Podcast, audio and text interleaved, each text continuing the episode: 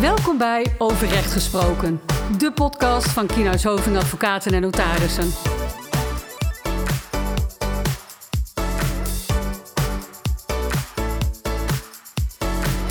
Ja, goedemorgen luisteraars. Ehm, de tweede podcast van Kienhuishoving over recht gesproken, editie vastgoed. Ehm, met inmiddels uw vaste sprekers Robert de Vries, bouwrechtadvocaat en Pieter Schut, notaris vastgoed.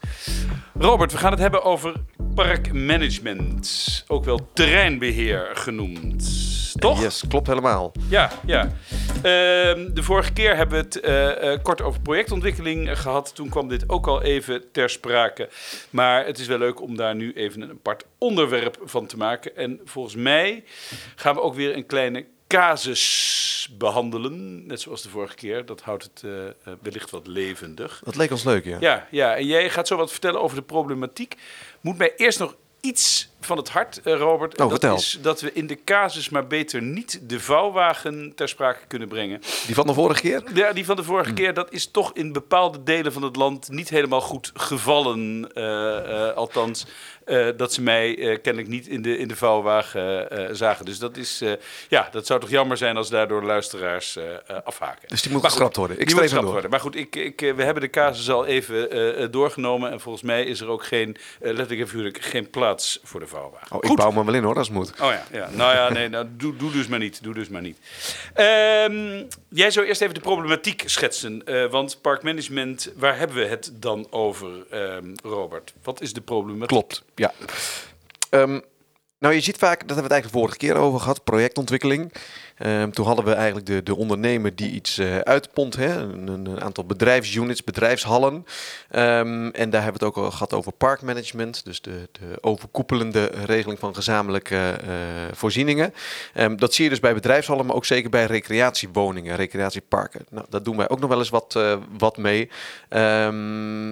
En wat je dan ziet gebeuren is, nou, je, je koopt zo'n recreatiewoning en de ontwikkelaar of de verkoper die zegt, eh, nou die wil graag het eigendom van, eh, eh, van de woning leveren.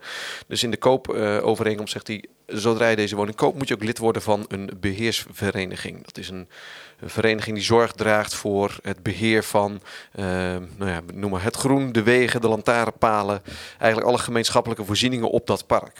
En ehm, nou, dat is natuurlijk een hartstikke eh, goed systeem. Die leden die betalen jaarlijks een mooie bijdrage aan de vereniging. En met die inkomsten kan de vereniging ehm, ja, zorg dragen eigenlijk voor het onderhoud en de instandhouding van die voorzieningen.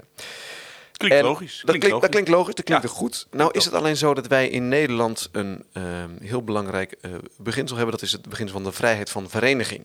Dat betekent dat niemand verplicht mag worden om lid te worden van een vereniging. Maar ook eh, dat je, als je lid bent van een vereniging, ook de vrijheid hebt om dat lidmaatschap op te zeggen. Ehm, en wat je dan ziet gebeuren is, ehm, als je een lidmaatschap opzegt van een vereniging, dan eh, vervalt daarmee ook de verenigingsrechtelijke grondslag, zeg maar even, om aan je betalingsverplichtingen te voldoen. De contributie. De contributie. Dus je kunt dat lidmaatschap opzeggen, je hoeft geen contributie meer te betalen. ehm, en dat is gewoon een recht wat je hebt. En dan zie je, wat je dan ziet gebeuren is, eh, ja, ik ben geen lid meer van de beheervereniging, dus ik hoef niet meer mee te betalen aan het onderhoud van al die gemeenschappelijke voorzieningen op dit recreatiepark. Ja, en je voelt wel aan dat dat, dat voelt toch ook niet helemaal goed. Nou, dan hebben we eigenlijk de, de, de, de problematiek te pakken. En waarom is dit nou, ehm, vonden wij dit leuk om het hier vandaag over te hebben? Onder andere is dat er eh, eerder, de vorige maand moet ik zeggen, een eh, conclusie bij de Hoge Raad is verschenen. Dat is eigenlijk een advies aan de Hoge Raad, waarin op juist deze problematiek heel erg uitgebreid wordt ingegaan. En dat is wel welkom, omdat al jarenlang hier best wel veel rechtspraak over is, maar dan nooit op dit niveau bij de Hoge Raad terecht is gekomen. Dus voor de echte fijnproevers zou ik zeggen, eh, google eens even op rechtspraak.nl, zoek naar die conclusie en, ga die, eh, en lees dat eens door. Ehm, maar wij gaan vandaag proberen om nou ja, op hoofdlijnen wat te schetsen aan de hand van een voorbeeld. eh, en het wat eh, nou ja, laagdre- laag- laagdrempelig de problematiek te bespreken. Ja, ja dus eigenlijk eh, komt het erop neer dat er een, een vereniging in het leven geroepen wordt. Hè? Net zoals je de tennisvereniging hebt, de hockeyvereniging, Jeu de Boel vereniging, politieke verenigingen. Ik weet niet of jij nog wat meer... Een hele kan- hoop kan- verenigingen hebben hele we hoop in Nederland. verenigingen. Ja. En Het als zijn je- gewone verenigingen. Het zijn gewone verenigingen. Ehm, eh, eh, in, ehm, eh, een verschil met de vereniging van eigenaars. Die komt zo ook nog wel even ter sprake. Maar bij deze verenigingen, hè, net zoals bij de voetbal- of de tennisvereniging, daar kan je dan lid van worden. En als je lid bent van de tennisvereniging, dan mag je gebruik maken van de faciliteiten eh, van de tennisbanen, ehm, eh, de kantine, ook niet onbelangrijk. En dan, ja, dan mag je daar gebruik van maken. Maar het, het- je, je, kunt dat, je kunt dat opzeggen en dan mag je er geen gebruik van maken. Precies. En dat En- verschilt dan geloof ik van de vereniging van eigenaars. Dat klopt, dat klopt. Daar kun ja. jij iets over vertellen. Ja, ja, want bij de ehm, Vereniging van Eigenaars, die hebben wij in onze vorige podcast ook al even kort besproken. Eh, dat is een vereniging die is gekoppeld aan een splitsing in appartementsrechten. En eh, in de eh, het burgerlijk wetboek, waar de splitsing in appartementsrechten is geregeld, is een koppeling gemaakt dat als jij een appartement koopt, dat je ook verplicht lid bent van die vereniging. En dat kan je dan niet zomaar opzeggen, zoals je dat bij de hockeyvereniging, tennisvereniging, jeu en al die andere verenigingen wel kan. Dat is eigenlijk een uitzondering op die Ja. vrijheid van vereniging bij de en, vereniging en dat is, dat is het mooie. En dat geeft dan ook precies het verschil aan met eh, wat jij net schetste. Want bij de hockeyvereniging of de tennisvereniging, als je die opzegt, dan mag je daar niet meer komen. Dan mag je daar niet meer hockeyen, niet meer in de kantine eh, eh, zitten. Ehm, en bij de vereniging van eigenaars is dat, is dat dan goed geregeld. Want je hebt een appartement, dan ben je lid van de vereniging. En zodra je het appartement verkoopt, ben je lid af van de vereniging vereniging. Hoe anders is dat bij de problematiek die jij schetste? Want, en dan werken we maar even naar de casus toe, eh, eh, Robert. Ehm, laten we zeggen, we hebben eh, Jan, Jan Lid. Jan Lid, ja. Jan Lid, ja, nou gewoon even wat, het wat minder concreet, of, wat minder concreet op onze betrekking Mhm. te hebben te maken. Ehm, Jan, Lid, Jan Lid koopt een vakantie, recreatiewoning en Jan Lid wordt lid van de vereniging. En dan, Robert, wat is dan de. eh, wat, wat, wat, eh, wat, wat kan, wat zou Jan kunnen doen? Als jij de casus verder invult. Ja. Nou, wat is ehm, eh, deze? Ik vind hem wel mooi. Jan Lid, die, eh, die heeft dat huisje gekocht. En ehm, we- stel even dan voor dat die, die koopt een park en dat, of een huisje op een park en daar staan eh 25 huisjes. Eh, en een slagboom. Ehm, en Jan moet voor het onderhoud jaarlijks eh, 250 euro betalen nou, aan de vereniging. En dat wordt netjes onderhouden. Ehm, maar inmiddels zijn we tien jaar verder. En dit park waar we het over hebben eh, be- bestaat niet meer uit 25 huisjes, maar uit 250 huisjes. Ehm, het park heeft een mooi subtropisch zwembad aangelegd. Subtropisch, belangrijk. Subtropisch, zeker. Subtropisch, zeker. Eh, en een ballenbak voor de kinderen en eh, een activiteitenhal, restaurant, nou, noem het allemaal maar op. Dus het park is behoorlijk uitgebreid. Misschien zal Jan dat op zichzelf nog niet zo erg vinden, want die heeft er geen last van, hoeft er ook niet gebruik van te maken. Maar ehm, dat doet natuurlijk iets met, dat, eh, met die bijdrage aan de vereniging. Dus Jan moet in één keer geen 250 euro per jaar betalen, maar 2000 euro per jaar. En ehm, Jan zegt, ja, daar zit ik eigenlijk niet zo op te wachten. Dat wordt mij wat te duur. Ehm, dus ja, ik, eh, ik zeg mijn lidmaatschap op, want dan hoef ik ook niet meer eh, te betalen. Slim, Dat is eigenlijk best slim van Jan, zou je denken. zou je denken. Ja, ja. Hij, had een goede, hij had een goede advocaat, Robert. Of was het niet een goede advocaat? ja, dat is de vraag dan. Dat hè? is de vraag, Eh, ja. eh, Want wat zou die goede advocaat doen volgens jou? Ja, ik weet niet. Ik, eh, als dat zomaar zou kunnen, dan is het wel een mooie vorm van wat we wel noemen free rider gedrag. Dat je wel gebruik kunt maken van alle voorzieningen, maar er niet voor hoeft te betalen. Nou, wie wil dat niet in Nederland? Ja. Zeker met de stijgende inflatie. Zeker. Ja. Maar ja, Robert, aan jou de vraag: is dat dan een goede advocaat of niet? Want dan gaan we naar de rechter, neem ik aan. Dan zal de vereniging zeggen: na wat briefjes, eh, eh, we, zoeken, eh, eh, we zoeken het hoger op. ja, betalen. En wat zegt de rechter dan? Ja, dat hangt dus af van welke advocaat heeft ingeschakeld, of het een goede is of niet. Maar we, gaan er even vanuit dat, eh, dat het een advocaat is met een beetje verstand van zaken. Dus die eh, zal namens de vereniging zeggen, ja, dat is allemaal leuk dat u dat lidmaatschap hebt, eh, hebt opgezegd. Ehm, en op grond van het, nou, de, de, zeg maar de contributie, op grond van de- het lidmaatschap van de vereniging, hoeft u niet meer te betalen. Maar dat betekent natuurlijk wel iets. En dat is ook in de rechtspraak uitgemaakt dat de rechters dat over het algemeen ook wel vinden. Ehm, want dat betekent namelijk, Jan maakt natuurlijk als eigenaar van het huisje wel gebruik van die voorzieningen. Jan heeft er belang bij dat hij de weg kan gebruiken om naar zijn huisje toe te rijden. Hij heeft er belang bij dat ehm, de riolering werkt, de straatverlichting, dat het groen een beetje wordt onderhouden. Ehm, dus daar, ja, d- daar voel je in eh, wel aan. Hij maakt gebruik van die voorziening, maar hij betaalt er niet meer voor als hij lidmaatschap opzegt. En dan zal ehm, uiteindelijk een rechter, tenminste dat nu de, uh, hoe het in het verleden is geworden, die zal zeggen, ja Jan, dat klopt. Op grond van het verenigingslidmaatschap hoef je niet meer te betalen. Maar je hebt ook buiten zeg maar, dat, dat lidmaatschap, uh, kun je verplichtingen hebben om ehm, vergoedingen te voldoen aan, in dit geval de vereniging. En dat kan bijvoorbeeld, je hebt een aantal buitencontractuele grondslagen hiervoor, maar de meest gebruikte, die dan tegenkomt in de rechtspraak, is de ongerechtvaardigde verrijking. Nou, dat moet je even uitleggen. Dat, dat vind ik een ingewikkelde term. Ja. Nou, dat komt er eigenlijk op neer dat uh, als sprake is van een situatie waarbij de ene partij wordt verrijkt, nou in dit geval Jan, want die mag gebruik maken van, een, uh, van de wegen en alle gemeenschappelijke voorzieningen, maar hij betaalt er niet voor. Dan wordt de vereniging verarmd, want die doet wel het onderhoud, maar die krijgt geen inkomsten voor. Als dat onrechtmatig is, dus eigenlijk ja, dat moet je dan ook weer juridisch beoordelen, maar iedereen voelt in dit geval denk ik wel aan, dan uh, kan het ertoe leiden dat er toch een betalingsverplichting bestaat uh, van Jan aan de vereniging.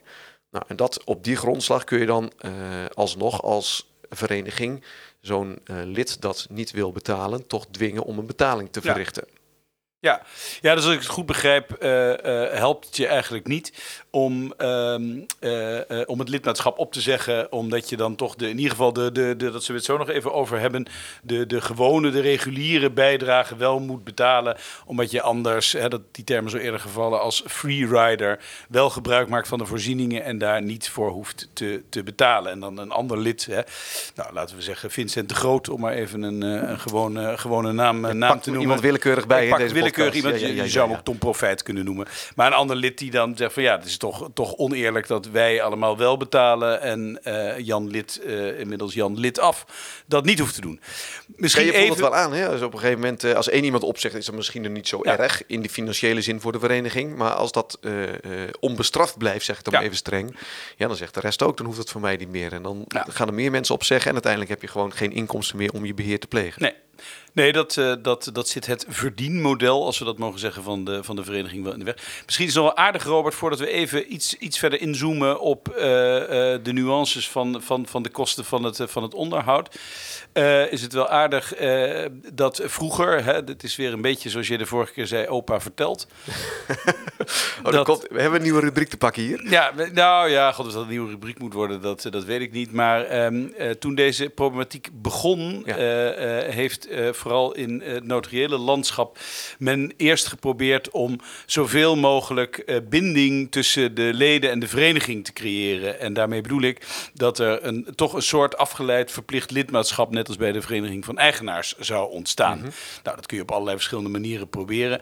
Maar eigenlijk is dat uh, telkens door de rechter um, onderuit gehaald, omdat de rechter zei: ja, er is gewoon een vrijheid van lidmaatschap. Dus het kettingbeding en allerlei prachtige overwegingen, dat helpt u niet. u kunt niemand verplichte lid te zijn.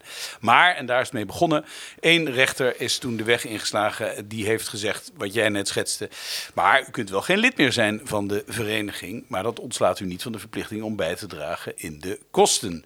En in dat geval kan ik mij herinneren... Uh, toen de hè, Jan Lid, laten we maar weer Jan Lid noemen, alsnog wel moest betalen, aanklopte bij de vereniging en zei: Nou ja, vereniging, ja, dan wil ik eigenlijk ook wel lid worden. Als ik toch moet betalen. Als ik toch moet betalen, dan wil ik liever ook maar mee kunnen beslissen. Waarop de vereniging zei: Nou, daar gaan we nog eens even goed over nadenken, want querulanten, daar hebben we niet zo'n behoefte aan. Nou ja, goed. Dat even de rubriek opa verteld. Um, uh, tot zover. Maar tot... nee, het is dit terecht natuurlijk. Hè. Ik kan me goed voorstellen als je vereniging zegt... als we zo'n lastpak hebben die uh, niet wil betalen... met veel moeite hebben we toen moeten moeten dwingen om te betalen. Nou, we zijn eigenlijk wel blij dat we van hem afstaan. Ja. Laat maar alleen betalen. En alsjeblieft niet meer tijdens die vergaderingen en alles komen. Ja. ben benieuwd, het zal niet snel voor de rechter komen. Maar stel dat zo'n vereniging, want die vereniging is ook niet verplicht om een lid aan te nemen. Maar ja, in, in het kader met de koppeling met de recreatiewoning is het wel weer heel uh, uh, misschien oneerlijk om dat niet te doen. Maar daar, is, daar heeft nooit de rechter uitspraak over gedaan. Goed, we keren even terug naar de problematiek, Robert. Want het kwam al eerder ter sprake. iedereen snapt dat er een soort basisvoorzieningen zijn. Hè? Jij noemde de weg. Uh, kan ook het, het, het groen onderhoud zijn. Maar hoe zit het nou met het subtropisch, niet onbelangrijk, subtropische zwembad, wat is ge, uh, uh, gerealiseerd? Ja. En dan had, noemde je ook nog dat dat later is gebeurd dan dat Jan Lid in ieder geval zijn huisje kocht. Maakt dat nog verschil, Robert? Ja, dat is goed dat je het aanstipt. Um, daar zit, wat, daar zit inderdaad wel wat onderscheid in. Ook in de rechtspraak komt dat, uh, komt dat terug. Het gaat voor deze podcast wat verder om het helemaal uiteen te zetten. Maar als ik het even globaal mag schetsen, um, wordt er in de rechtspraak een onderscheid gemaakt eigenlijk tussen de basisinfrastructuur en overige voorzieningen. En die basisinfrastructuur zijn eigenlijk de voorzieningen um, bij afwezigheid waarvan zo'n park redelijkerwijs niet kan bestaan. Dus je hebt inderdaad onderhoud van de wegen en uh, uh, de slagboom uh, om het park open en dicht te laten gaan en veilig te houden, het groen, et cetera. Dat is eigenlijk die basisinfrastructuur. Daarvan wordt eigenlijk altijd gezegd, daaraan heb je gewoon een betalingsverplichting. Um, als je het hebt over, nou, we nemen het voorbeeld maar even van het subtropisch zwemparadijs. Subtropisch. Dat is uh, toegevoegd. Um, dan hangt het er een beetje van af, eigenlijk. Um, als jij een huisje koopt op een park wat dat zwembad al heeft, dan kun je je voorstellen dat dat anders is um, dan wanneer dat niet het geval is. Hè? Want je koopt een huisje op het park met het zwembad, dus je wist dat dat er was. Je weet dat het zwembad onderhouden moet worden. Um, dus dan zal eerder een betalingsverplichting worden aangenomen. Ook als jij zegt, ja, maar ik maak daar geen gebruik van. Ik hou helemaal niet van zwemmen. Um, omdat je anders per gebruiker zou moeten gaan kijken wie gebruikt wat wel en wat niet. En nou, dat is eigenlijk ondoenlijk.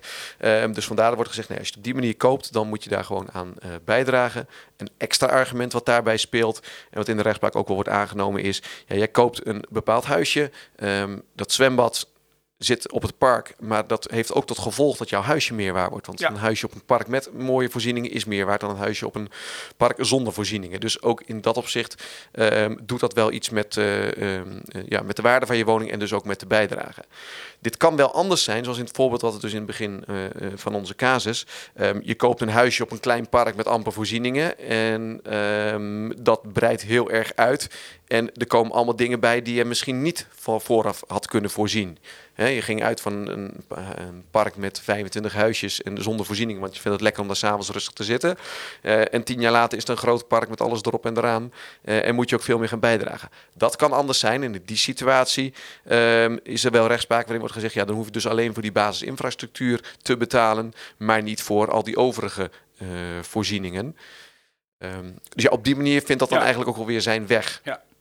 Maar daar kun je natuurlijk heel uitgebreid over discussiëren. Uh, uh, want er zijn, dit is een beetje de uiterste, maar er zitten een heleboel tussenvormen uh, bij. Ja.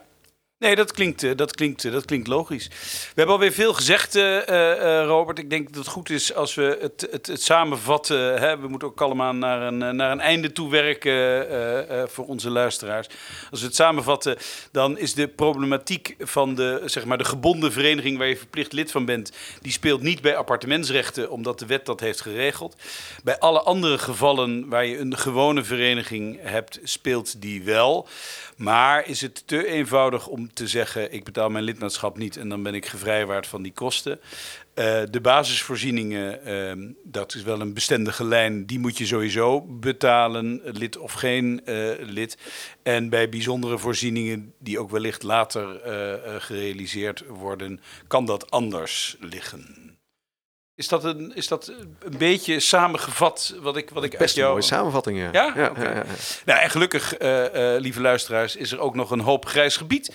Want dat is uh, voor al mijn vrienden in de advocatuur natuurlijk een reden om allerlei procedures te kunnen voeren.